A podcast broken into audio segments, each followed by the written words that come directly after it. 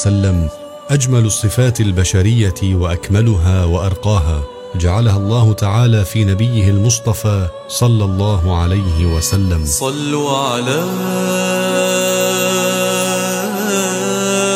من قد سما. شمائل النبي صلى الله عليه وسلم دعوة كريمة للتعرف بالتفصيل على شمائل واوصاف واخلاق وأحوال النبي الأكرم صلى الله عليه وسلم.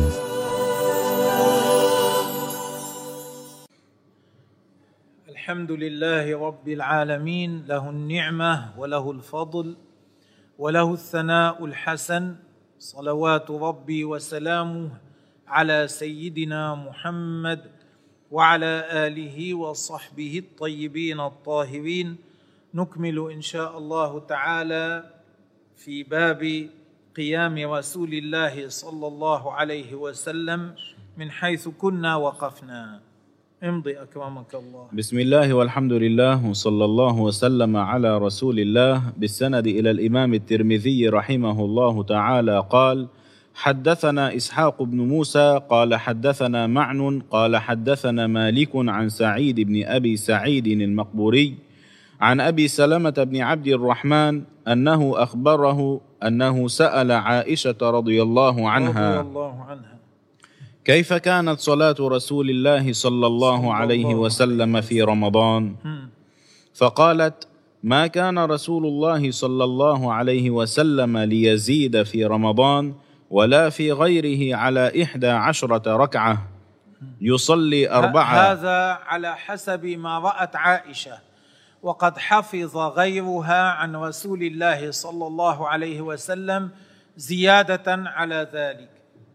ومن حفظ حجة على من لم يحفظ. علي علي رضي الله عنه حفظ عن رسول الله صلى الله عليه وسلم ست عشرة ركعة كما روى ذلك الإمام أحمد وغيره. نعم إن إن مع عائشة قالت على حسب ما رأت هي. أنه ما كان يزيد على إحدى عشرة ركعة. نعم. يصلي أربعا فلا تسأل عن حسنهن وطولهن. الأربعة الأول الركعات الأربعة الأول أطول من غيرهن. يصلي صلاة حسنة عليه الصلاة والسلام بالخشوع التام وبالخضوع وب وبالتفكر على حسب ما أمر الله تبارك وتعالى.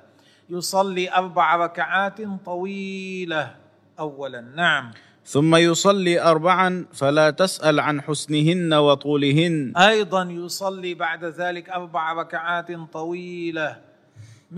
مثل مثل الركعات التي قبل. والاربعه يفصل بين كل ركعتين بتسليمة. ثم يصلي ثلاثا ثم ينام. نعم يفصل بين الركعتين الأوليين بين مقدمة الوتر وبين الوتر بالسلام ثم ينام. نعم. قالت عائشة رضي الله عنها قلت يا رسول الله أتنام قبل أن توتر؟ لما رأت رسول الله صلى الله عليه وسلم فعل هذا تعجبت. قالت يا رسول الله أتنام قبل أن توتر؟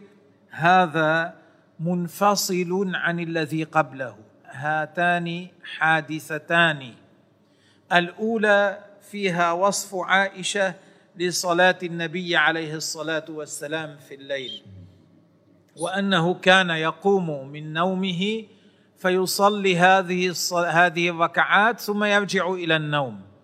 الثانية أنه لما رأته عليه الصلاة والسلام أول مرة بعدما صلى العشاء أراد أن ينام. بعدما صلى العشاء وصلى سنة العشاء أراد أن ينام. قالت أتنام قبل أن توتر تعجبت لأن أبا بكر رضي الله عنه كانت عادته أن يوتر قبل أن ينام وهي كانت معتادة على هذا. فرأت النبي عليه الصلاة والسلام ينام قبل أن يوتر فتعجبت فلهذا سألت رسول الله عليه الصلاة والسلام عن ذلك. وإنما كان أبو بكر يوتر قبل أن ينام لأنه كان يخاف الا يستيقظ لصلاة الوتر. فكان يوتر قبل أن ينام. أما النبي عليه الصلاة والسلام فكان يثق باستيقاظه. لذلك أخر الوتر إلى ما بعد ذلك. ومن كان يثق بأنه يستيقظ قبل الصبح تأخير الوتر له أفضل حتى يصلي الوتر بعدما يقوم من النوم قبل الصبح. قال صلى الله عليه وسلم يا عائشة إن عيني تنامان ولا ينام قلبي. هكذا. قلبي يبقى مشغولا مستغرقا في شهود عظمة الله تبارك وتعالى. لا ينام. أما عيناي فتنامان لذلك قد لا أرى بعض لا أرى بعض الأمور التي تحصل لأنني أكون نائما. عينان عيناي تكونان نائمتين. لكن لا يعني هذا أن قلبي يكون نائما كما يكون قلب باقي الناس. إنما يكون قلبي مستغرقا في شهود تعظيم الله تبارك وتعالى. ولذلك كان الصحابة لا يوقظون النبي عليه الصلاة والسلام إذا كان نائما لأنهم لا يدرون بأي أمر قلبه مشغول في نومه فلذلك لا يوقظونه. صلى الله عليه وسلم. نعم. وبه قال حدثنا إسحاق بن موسى قال حدثنا ومن هنا ومن هذا الكلام يعرف آه، لماذا يعني ما الذي حصل قبل عندما نام النبي عليه الصلاة والسلام والصحابة وكانوا متعبين فلم يستيقظوا لصلاة الصبح كان النبي عليه الصلاة والسلام أوكل بلالا أن يوقظهم بلال نام. فناموا فلم يستيقظوا إلا بعد أن ضربتهم الشمس. النبي عليه الصلاة والسلام في ذلك الوقت ما كان قلبه نائما. لكن لأن عينيه كانتا نائمتان نائمتين ما رأى دخول طلوع الفجر وما راى إيه، ما رأى طلوع الفجر فلم يقم لأجل ذلك وكان قلبه مشغولا بغير ذلك ولم يكن نائما. نعم. وبه قال حدثنا إسحاق بن موسى قال حدثنا وهذا شيء لا ندركه نحن. هذا شيء يدركه من شعر به ونحن ما شعرنا بهذا. إنما هذا شيء اختص الله به نبينا محمدا عليه الصلاة والسلام. فمعرفة حقيقته هو يعلم حقيقة ذلك. أما نحن لا نعرفه. لا نعرف ذلك. لأننا ما شعرنا بهذا. نعم امضي. وبه قال حدثنا إسحاق بن موسى قال حدثنا معن قال حدثنا مالك عن ابن شهاب عن عروة عن عائشة رضي الله عنها رضي الله أن رسول الله صلى الله عليه وسلم. كان يصلي من الليل إحدى عشرة ركعة يوتر منها بواحدة فإذا فرغ منها اضطجع على شقه الأيمن. هذا سبق أن شرحناه. امضي. وبه قال حدثنا ابن أبي عمر قال حدثنا معن عن مالك عن ابن شهاب حا قال وحدثنا قتيبة عن مالك عن ابن شهاب نحوه وبه قال حدثنا هناد قال حدثنا أبو الأحوص عن الأعمش عن إبراهيم عن الأسود عن عائشة رضي الله عنها أنها قالت كان النبي صلى الله عليه وسلم يصلي من الليل تسع ركعات. وإنما كان يصلي تسع ركعات في أواخر حياته.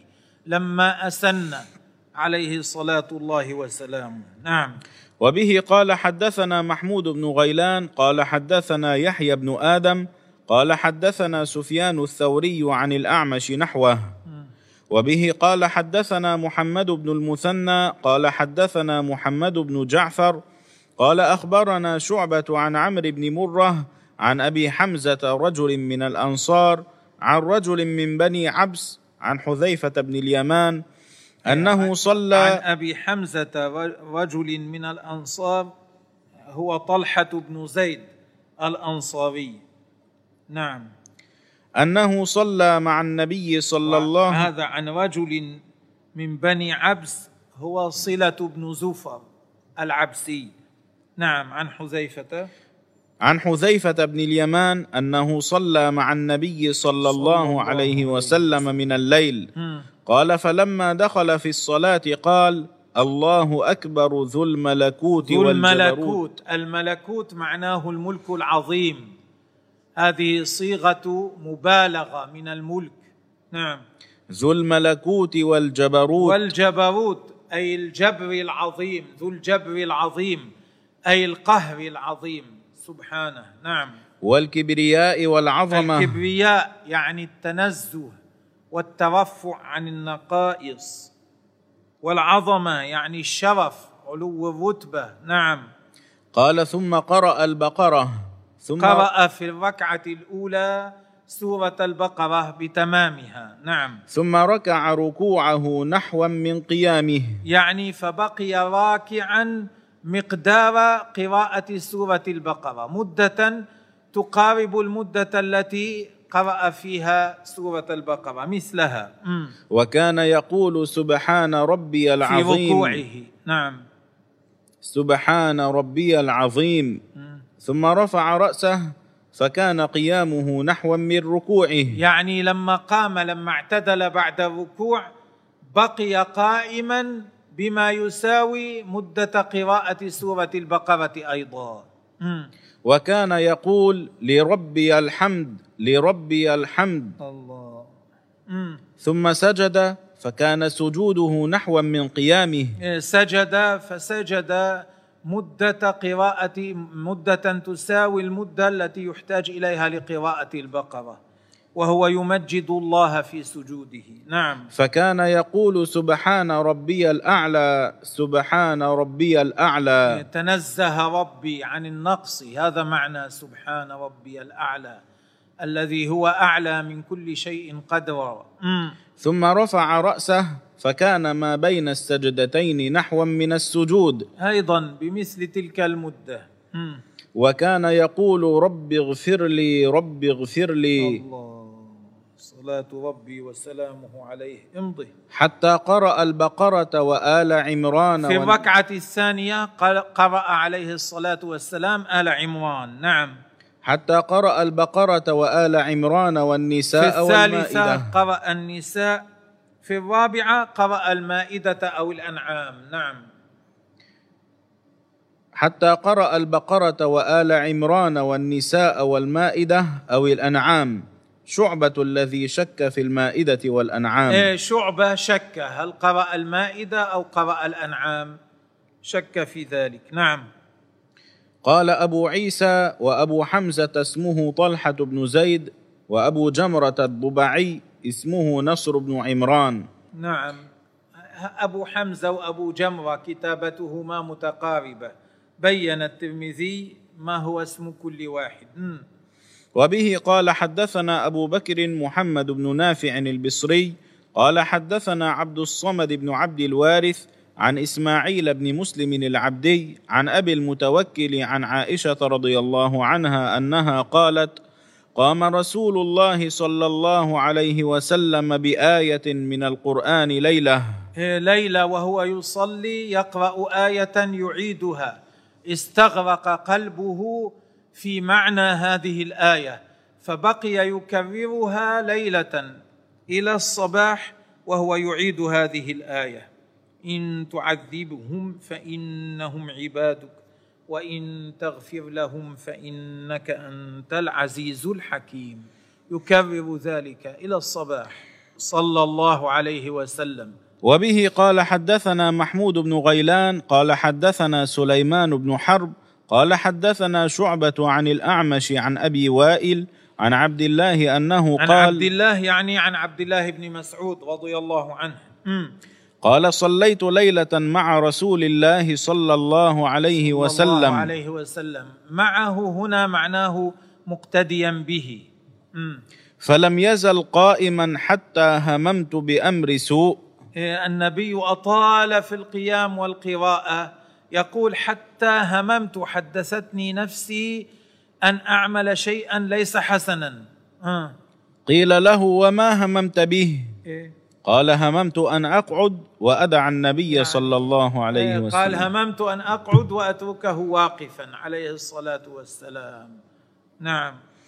وبه قال حدثنا سفيان بن وكيع قال حدثنا جرير عن الأعمش نحوه.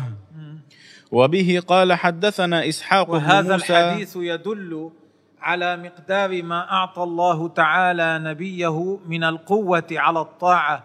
عبد الله بن مسعود كان أصغر سنا من النبي عليه الصلاة والسلام. مع ذلك ما استطاع تعب تعبا شديدا كاد أن يقعد. وهو والنبي عليه الصلاة والسلام يصلي قائما مع الفارق بينهما في السن. وبه قال حدثنا إسحاق بن موسى الأنصاري قال حدثنا معن قال حدثنا مالك عن أبي النضر عن أبي سلمة عن عائشة رضي الله عنها أن النبي صلى الله عليه وسلم كان. يصلي جالسا كان يصلي جالسا هذا في آخر حياته عليه الصلاة والسلام نعم فيقرأ وهو جالس في آه، النفل يعني هذا في النفل.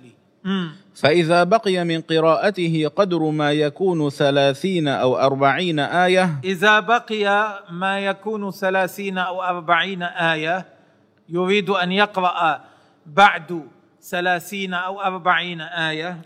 قام فقرأ. قام فقرأ. يقوم فيقرأ قائما. قام فقرأ وهو قائم ثم ركع وسجد. ثم صنع في الركعة الثانية مثل ذلك. هكذا يصنع في كل ركعة يصليها قاعدا. يصلي قاعدا ثم إذا بقي من القراءة نحو ثلاثين أو أربعين آية يقوم يكمل القراءة قائما ثم يركع من قيام ويفعل هكذا في الركعة التي بعدها وهكذا مم. وبه قال حدثنا أحمد بن منيع قال حدثنا هشيم قال حدثنا خالد الحذاء عن عبد الله بن شقيق أنه قال سألت عائشة رضي الله عنها عن صلاة رسول الله صلى الله عليه صلى وسلم الله عليه وسلم يعني صلاة التطوع مم. عن تطوعه فقالت كان يصلي ليلا طويلا قائما. أحيانا يصلي مدة يصلي صلاة طويلة في الليل. ليس معناه كل الليل من أوله إلى آخره. إنما يصلي صلاة طويلة في الليل قائما. نعم. وليلا طويلا قاعدا. واحيانا يصلي صلاة طويلة وهو قاعد. في آخر حياته عليه الصلاة والسلام. فإذا قرأ وهو قائم ركع وسجد وهو قائم. إذا قرأ وهو قائم نزل إلى الركوع من القيام. نعم. وإذا قرأ وهو جالس ركع وسجد وهو جالس. ينزل إلى الركوع من الجلوس يعني ينزل إلى الركوع من الجلوس ثم يعتدل جالسا ثم يسجد من جلوس. نعم. وبه قال حدثنا إسحاق بن موسى الأنصاري قال حدثنا معن قال حدثنا مالك عن ابن شهاب عن السائب بن يزيد عن المطلب بن أبي وداعة السهمي عن حفصة زوج النبي صلى الله عليه وسلم أنها قالت كان رسول الله صلى الله عليه وسلم الله عليه يصلي في سبحته. في سبحته يعني في صلاة النفل. مم. يصلي في سبحته قاعدا ويقرأ بالسورة ويرتلها. يتأنى فيها ويعطي كل حرف حقه ومستحقه. نعم. حتى تكون أطول من أطول منها. إيه، حتى تأخذ من الوقت أكثر من الوقت الذي يأخذ قراءة سورة أطول منها لو قرأها غيره عليه الصلاة والسلام مم. وبه قال حدثنا الحسن بن محمد الزعفراني قال حدثنا الحجاج بن محمد عن ابن جريج قال أخبرنا عثمان بن أبي سليمان أن أبا سلمة بن عبد الرحمن أخبره أن عائشة رضي الله عنها أخبرته أن النبي صلى, الله عليه وسلم لم يمت حتى كان أكثر صلاته وهو جالس. هذا في آخر حياته عليه الصلاة والسلام. أكثر صلاته أي أكثر صلاة النفل.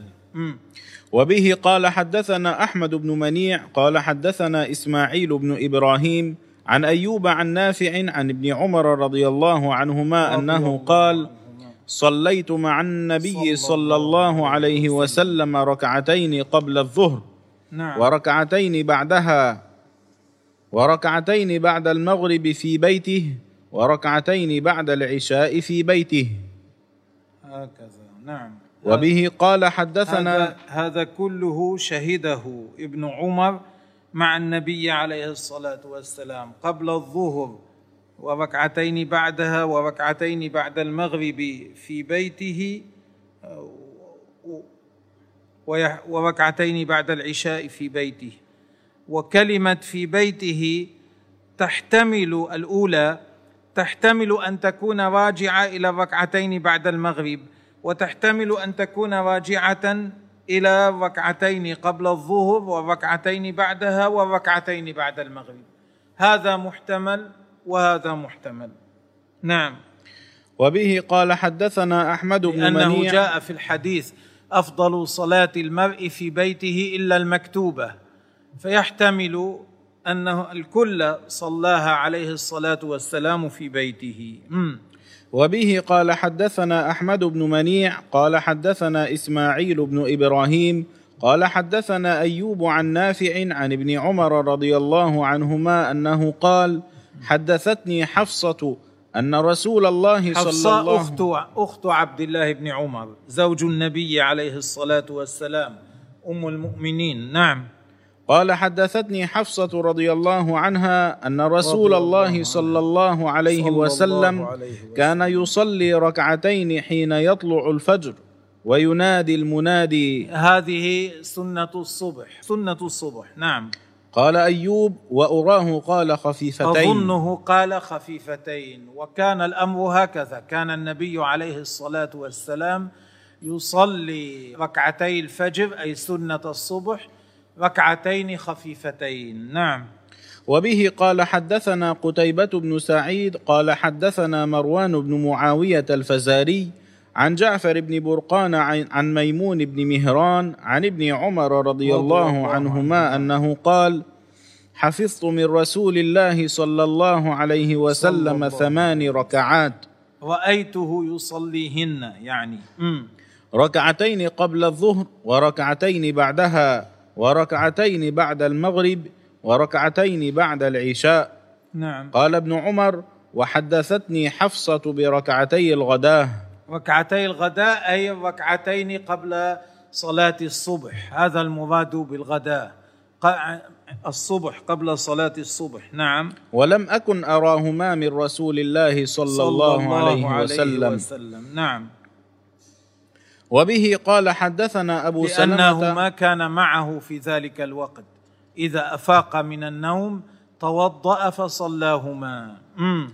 وبه قال حدثنا أبو سلمة يحيى بن خلف قال حدثنا بشر بن المفضل عن خالد الحذاء عن عبد الله بن شقيق أنه قال سألت عائشة رضي الله عنها. عن صلاة النبي صلى الله عليه وسلم.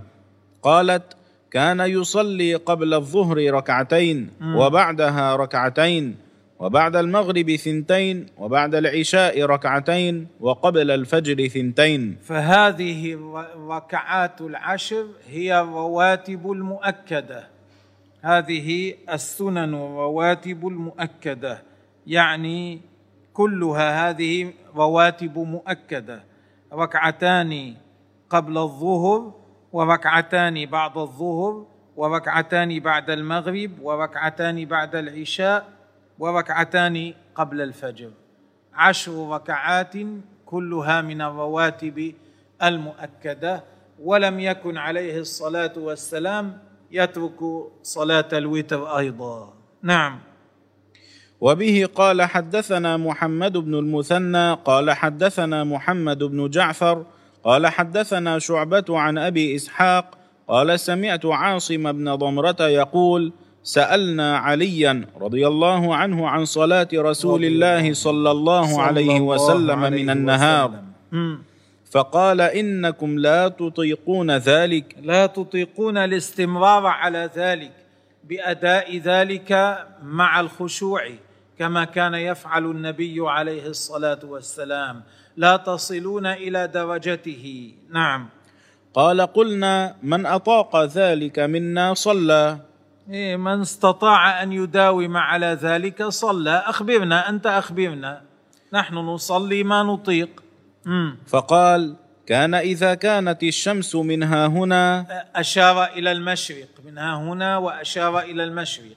مم. كهيئتها منها هنا. وأشار إلى المغرب. نعم. عند العصر صلى إيه. ركعتين. يعني عندما ترتفع الشمس في جهة الشرق إذا ارتفعت الشمس في الجهة الشرقية ك- ووصلت إلى ارتفاع يوازي ارتفاعها عند دخول العصر من الجهة الغربية أين تكون على أي ارتفاع في الجهة الغربية إذا دخل العصر إذا ارتفعت في الشرق فوصلت إلى مثل ذلك الارتفاع.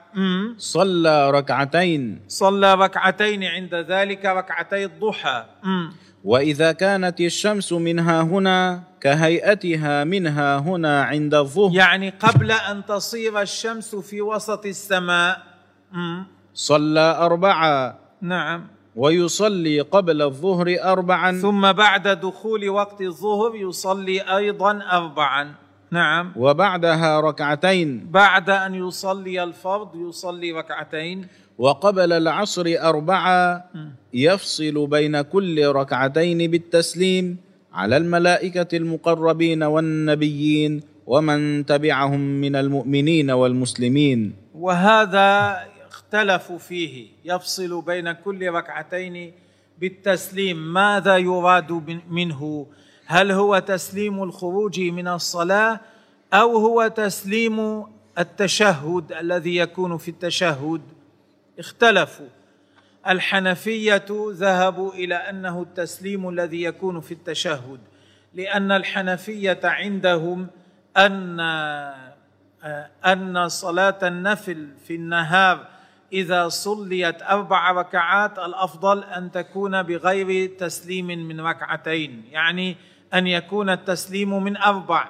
الشافعية قالوا لا إذا إذا صليت أربع فالأفضل أن يسلم من كل ركعتين. ال- الجميع متفقون على أن صلاة النفل في النهار يجوز أن تصلى اربعا متوالية بلا تسليم إلا عند في الرابعة.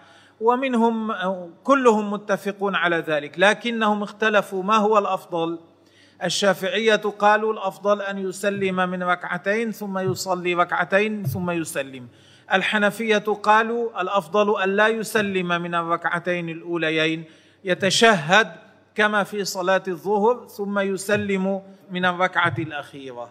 وهذا ختام هذا آخر ما ذكره الترمذي رحمه الله في باب عبادة النبي عليه الصلاة والسلام. والله تبارك وتعالى أعلم وأحكم. شمائل النبي صلى الله عليه وسلم أجمل الصفات البشرية وأكملها وأرقاها جعلها الله تعالى في نبيه المصطفى صلى الله عليه وسلم. صلوا على من قد سما. شمائل النبي صلى الله عليه وسلم دعوة كريمة للتعرف بالتفصيل على شمائل وأوصاف وأخلاق وأحوال النبي الأكرم صلى الله عليه وسلم.